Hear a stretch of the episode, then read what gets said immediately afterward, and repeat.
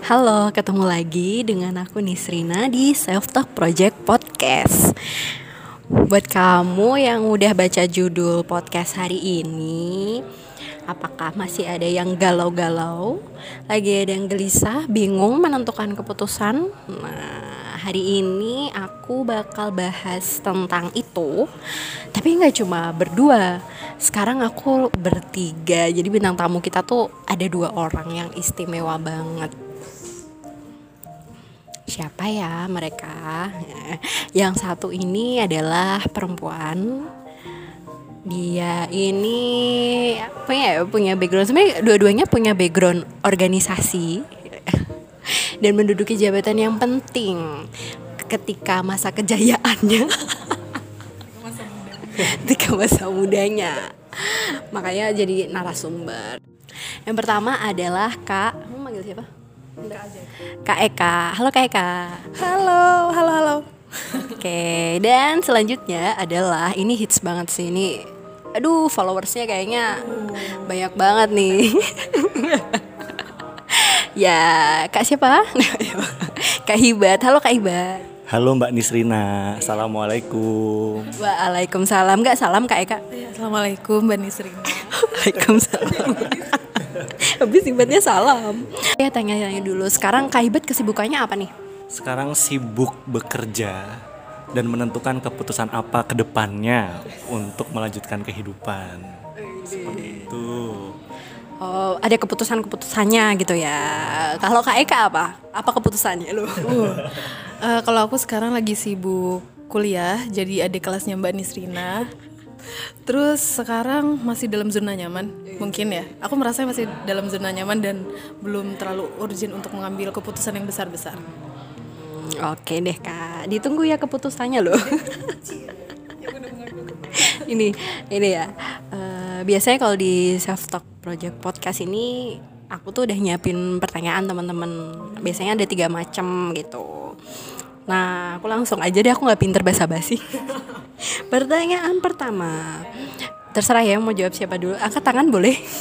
Oke. Seberapa sering sih uh, kalian mengambil keputusan? Dalam hal ini keputusannya tuh uh, mulai dari lebih ke yang penting-penting sih, karena biasanya keputusan semakin penting, semakin bikin galau. Tuh, siapa yang mau jawab? Oke. Ya. Boleh nih saya awali teman-teman ya. Jadi uh, bener bahwa keputusan ada yang keputusan kecil ya dimulai dari kita setiap kali bangun tidur pun kita akan berkeputusan apakah akan lanjut tidur atau kita bangun dan beraktivitas gitu kan. Tapi kita bahas keputusan yang lebih besar yang mungkin punya pengaruh gitu kan. Mulai dari setiap jenjang kehidupan saya, mulai dari mungkin ya kalau yang masa lalu SMP itu nggak usah dibahas, mulai dari SMA mungkin ya, ketika kita mulai berdewasa dan mulai menentukan keputusan kita sendiri SMA, kuliah, dalam organisasi ada nanti mungkin bisa saya sharekan ketika di organisasi ada keputusan penting bukan penting ya keputusan yang berdampak pada banyak orang yang pernah saya ambil dan itu jadi sa sangat mengenang. Dan nanti, apalagi ketika sekarang di dunia kerja dan di dan di dunia di umur umur segini mulai harus menentukan hidup sendiri akan ke, mengarah ke mana. Jadi ya meskipun keputusannya tidak diambil setiap hari tapi untuk keputusan-keputusan besar itu bisa jadi beban pikiran atau bahan pikiran setiap harinya. Jadi jawabannya adalah sering, apa gimana? Sering dipikirkan hampir setiap hari meskipun keputusannya tidak dilakukan setiap hari. Oke, sering dila sering dipikirkan. dipikirkan. Tapi untuk mengambil keputusannya tidak tidak selalu setiap hari. Terima kasih Kak Iba jawabannya. Bagaimana dengan Kak Eka Kubus? ini ini ini aku duduk di tengah-tengah, Kak Ibat di kanan, Kak Eka di kiri. Nah sebelah kiri nih Kak Eka silakan. Hmm, Oke. Okay. Uh, kalau tentang seberapa sering mengambil keputusan sih, yang pasti hidup itu kan sebenarnya tentang keputusan ya. Uh, kayak tadi yang Hibat bilang sih sebenarnya kalau kita bangun tidur kita mau lanjut tidur atau matiin alarm doang atau gimana gitu kan. Nah itu kan sebenarnya ada keputusan tapi ada keputusan-keputusan yang memang mungkin selama 20-an ada harus an deh jangan disebut. Jujur. Iya selama 20-an tahun ini mungkin keputusan-keputusan besar itu uh, apa ya baru sebagian kecil yang kita lakukan untuk untuk kehidupan kita yang masih insya Allah still count gitu kan. Nah jadi uh, kalau seberapa sering ya sering banget setiap hari gitu. Uh, tapi kalau misalnya tentang keputusan yang besar kalau keputusan kecil kan setiap hari ya kita uh, lakukan gitu. Misalnya kayak di apa ajakin Nisrina ketemuan gitu. Nah itu kan keputusan kan, sebuah keputusan ketemu apa enggak ya gitu. Nah uh, tapi kalau keputusan besar uh, yang pasti kalau aku mungkin masih bisa dihitung gitu, kayak misalnya uh, keputusan buat kuliah, keputusan buat uh, kerja kayak gitu sih, gitu agak berbeda nih jawabannya Kaika dari jawabannya Kak Hibat. Kalau menurut Kaika semua keputusan itu apa ya kalau aku tangkap sih hampir keputusan tiap hari itu penting tapi yang lebih penting lagi memang masih jarang-jarang kayak gitu ya Kak Eka. Oke. Ya benar sih itu. Uh, tapi kalau menurut kalian nih apa sih sebenarnya makna mengambil keputusan dalam hal ini ya bolehlah gak cuma yang gede-gede aja yang sesimpel-simpel aja gitu. Menurut kalian apa sih makna kalian apa ya mengambil keputusan itu seberapa besar maknanya untuk kalian? Seperti apa kayak gitu? Siapa dulu nih? Aku lagi. Oke. oke. Jadi aku menganggap kan ya hidup kita itu kan adalah sebuah cerita yang masih terus berjalan yang bahkan kita belum tahu akhirnya akan bagaimana. Dan kayak misalnya di beberapa misalnya kayak di di beberapa film tuh kalau pernah nonton film Avenger tuh kan ada alternate ending, alternate story dan sebagainya tergantung keputusan apa yang kita ambil. Nah, pun dalam kehidupan kita aku berpikir seperti itu. Kita akan menentukan cerita kita seperti apa berdasarkan keputusan-keputusan yang kita ambil. Meskipun kita juga nggak akan tahu akan bagaimana pun misalnya kita mengambil keputusan dengan berbagai pertimbangan dan perhitungan yang pasti, itu hitungan kita. Itu pasti akan berbeda dengan hitungan Tuhan tentang akan seperti apa jadi akhirnya. Kita hanya bisa menerka-nerka. Jadi saya memaknai sebuah keputusan sebagai ja pemilihan jalur kehidupan cerita kita itu akan seperti apa. Meskipun ya kalau kita bilang konteksnya manusia apa dalam kehidupan duniawi kita nggak tahu walaupun kalau konteksnya tentang takdir dan sebagainya takdir katanya kan sudah ditentukan dan sebagainya itu kan konsepnya keakhiratan gitu. Dan kita sebagai manusia kan tetap tidak akan tahu akan seperti apa. Dan ya itu kita memilihnya akan seperti apa. Kita hari ini dari keputusan yang paling kecil kita bangun tidur akan matiin alarm atau bangun menurutku itu akan mempengaruhi ke depannya kita akan mulai beraktivitas mulai jam berapa itu akan mempengaruhi ke depannya akan seperti apa. Jadi maknanya saya ulangin lagi tentang kita memilih cerita kita akan seperti apa seperti itu Mbak Nisrina. Gimana kayak kak? Gimana kayak kak? Semangat banget nih. Kalau aku, aku tuh sebenarnya tadi uh, apa kalau pas Nisrina nanti nyodorin ke aku dulu karena tadi hibat duluan aku mau suruh ngepost dulu karena apa ya apa ya gitu terus kayaknya tentang itu gitu kan terus eh kayaknya aku tadi pengen sama kayak hibat tapi justru dari uh, jawaban hibat ini aku jadi dapat insight dan mungkin teringat lagi yang pernah aku pikirin sebelumnya gitu ya bahwa pengambilan keputusan terutama pada prosesnya itu maknanya adalah tentang pertanggungjawaban. Bagus nih. Iya kan, kayak uh, gini kan kalau misalnya kita sekarang mengambil keputusan A ternyata nanti di akhir yang terjadi B gitu misalnya ya itu kan kita nggak punya kendali kan terhadap itu gitu. Nah, e, tapi yang kita punya kendali adalah siapa kita untuk bertanggung jawab ketika kita sudah mengambil keputusan itu. Meskipun pada akhirnya nanti di keputusan itu, misalnya kita e, keputusannya adalah mau kerja di perusahaan A. Tapi ternyata perusahaan A tuh eh gila sih ternyata budayanya kok gini banget sih nggak cocok atau apalah segala macam yang ternyata um, ada di sana gitu. Sejauh mana tanggung jawab kita terhadap pilihan kita tersebut terhadap uh, keputusan kita itu gitu. Jadi uh, tadi ya gitu kalau aku memaknainya keputusan adalah tentang pertanggungjawaban. Sejauh mana kita bisa mempertanggungjawabkannya itu dalam kehidupan kita pun kepada Tuhan nantinya yang akan memilihkan akhir dari pilihan itu. Kayak gitu. Langsung. nih, jadi uh, jadi ingat ketika dengar jawabannya si Eka nih tentang tanggung jawab gitu kan keputusan sama dengan tanggung jawab. Nah jadi ingat bahwa ada sebuah nasihat yang bilang seperti ini. Ketika kita mulai berpikir ketika kita berpikir untuk berhenti maka ingatlah kenapa kita memulai. Nah dari situ tuh jadi insight tersendiri tentang keputusan. Tadi sebenarnya maknanya hampir sama. Ketika Eka bilang keputusan adalah sebagai tanggung jawab ini adalah keputusan adalah adalah tentang bagaimana kita menentukan alasan untuk tetap melakukannya. Gitu. Misalnya nih aku masuk teknik nuklir itu adalah keputusanku pribadi. Dan aku seperti mahasiswa pada umumnya sempat mengalami yang namanya merasa salah jurusan. Uh, pada semester mungkin dua atau berapa aku agak lupa sempat merasa yang namanya salah jurusan dan ingin berpindah dan di situ berarti artinya saya harus mengambil keputusan lain tapi saya ingat lagi kenapa dulu saya memulai sehingga ini jadi relate terhadap makna tadi mengambil keputusan adalah juga tentang bagaimana kita menentukan alasan kita untuk tetap pada jalan yang sudah kita terima. Ah, kita pilih maksud saya. Begitu. Biasa.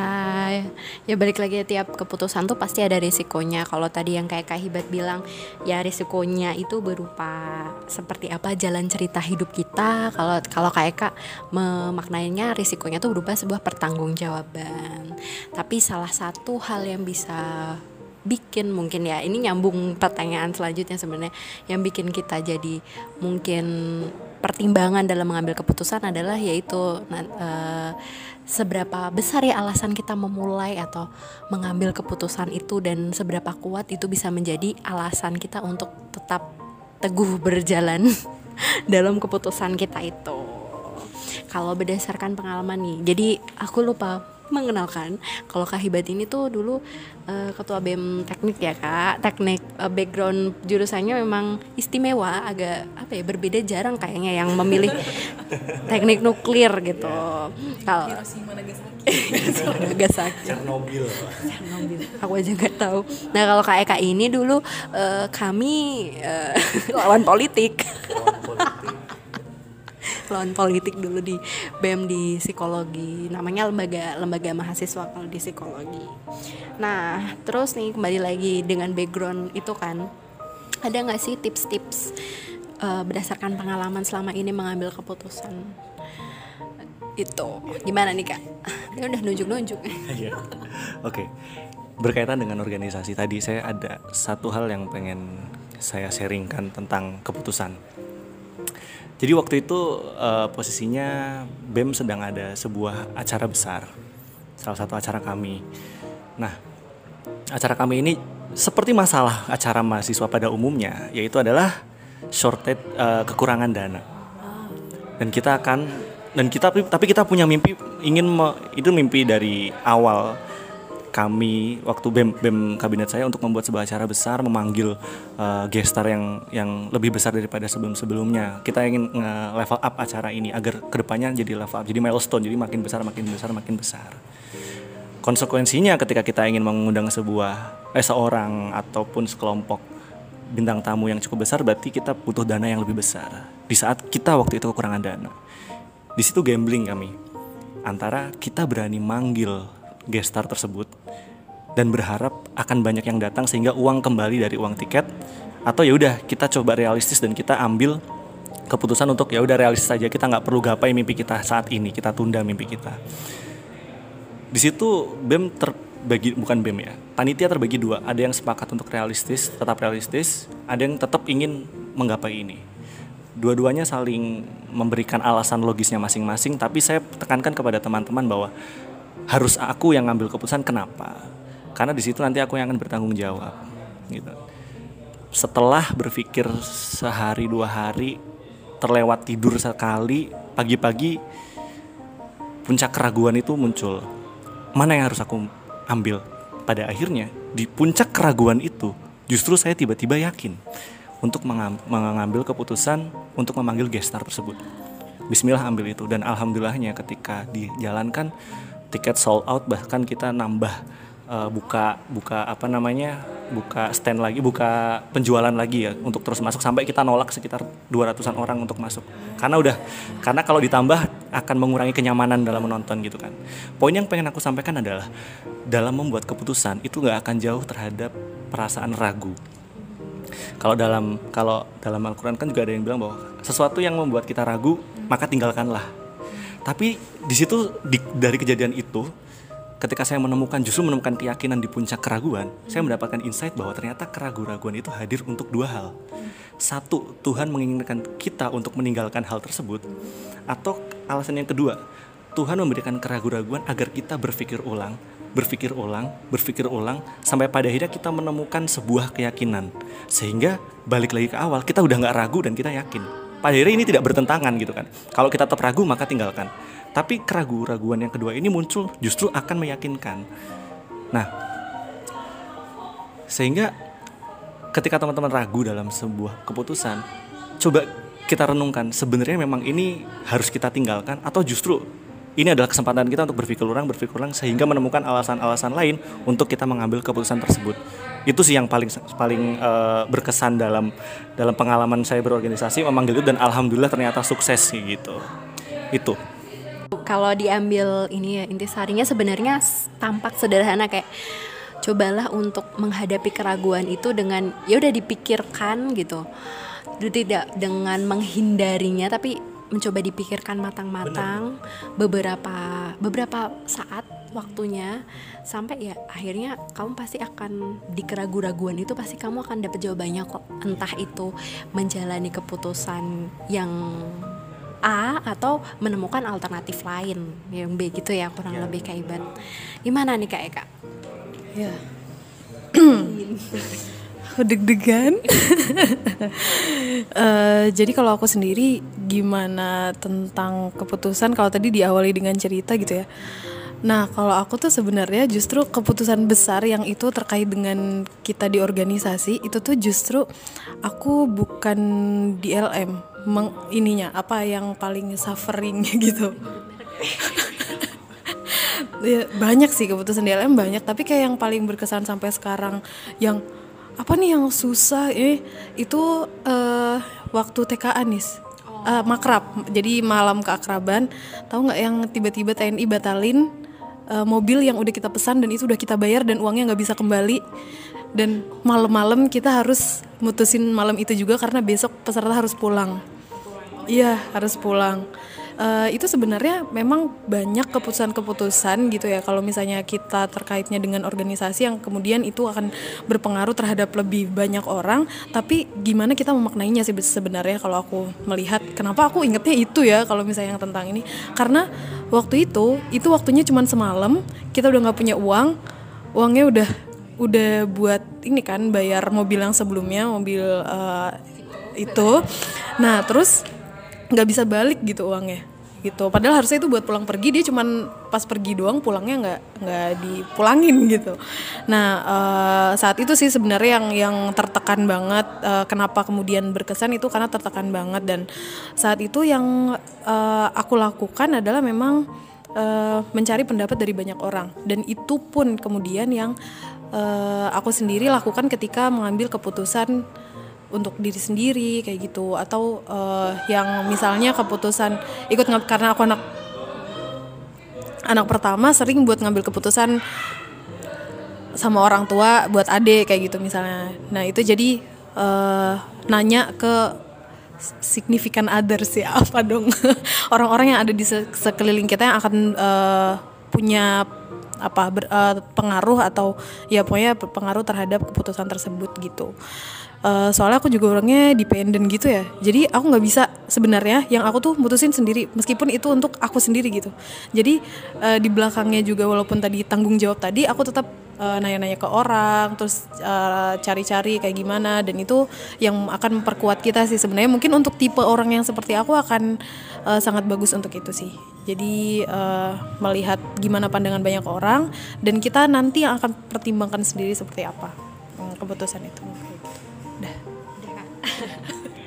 Sama juga ya tampak tampak simpel juga dengan melihat eh, pendapat dari orang lain. Bertanya berarti ya kita secara aktif bertanya ke orang lain. Apa sih eh, apa apa ya perspektif lain dari hal itu? Sebaiknya keputusan seperti apa yang diambil gitu ya. Oke deh. Begitu teman-teman. Kalau apa ya bisa aku simpulkan sederhananya mengambil keputusan itu memang bukan hal yang mudah. Dan pasti ada risikonya apa pun itu bentuknya. Tapi yang pasti selama kita sudah mempertimbangkannya dengan matang-matang dan kita sudah siap dengan risiko itu uh, yakin aja deh ambil aja. Gitu. Kalau toh misalnya nggak bisa putar balik ya nggak apa-apa berarti ambil pilihan yang lain lagi mungkin atau mengambil alternatif lain lagi dengan meminta pendapat dari orang lain gitu teman-teman. Oke, kalau teman-teman masih mau diskusi lanjut lanjut diskusi atau kepoin kakak-kakak pembicara ini, pembicara, oh, narasumber. Apa? Kakak-kakak ini bisa Kak Ibat ke mana Kak Ibat? Uh, kalau teman-teman ingin diskusi atau kalau teman-teman ingin berpetualang secara mata dan rasa, maka silakan hampiri IG saya di @mhibatur r, r-nya double. M H I B A T U R R. Kalau Kak Eka ini sebenarnya ada podcast, tapi katanya baru satu episode. Masih ada ini kok waktu newbie. Apa Kak podcastnya? Kalau aku, kalau tadi hibat itu mata dan apa rasa, kalau aku rasa dan kata. Jadi silakan ke podcast rasa kata Baina di Eka Rahma. Oke, gitu teman-teman. Terima kasih ya bintang tamu istimewa ini. Oke, kalau ada request topik tertentu bisa langsung ke IG-nya at selftalk.project atau kirim email aja ke selftalk.project@gmail.com. Sampai ketemu di episode selanjutnya.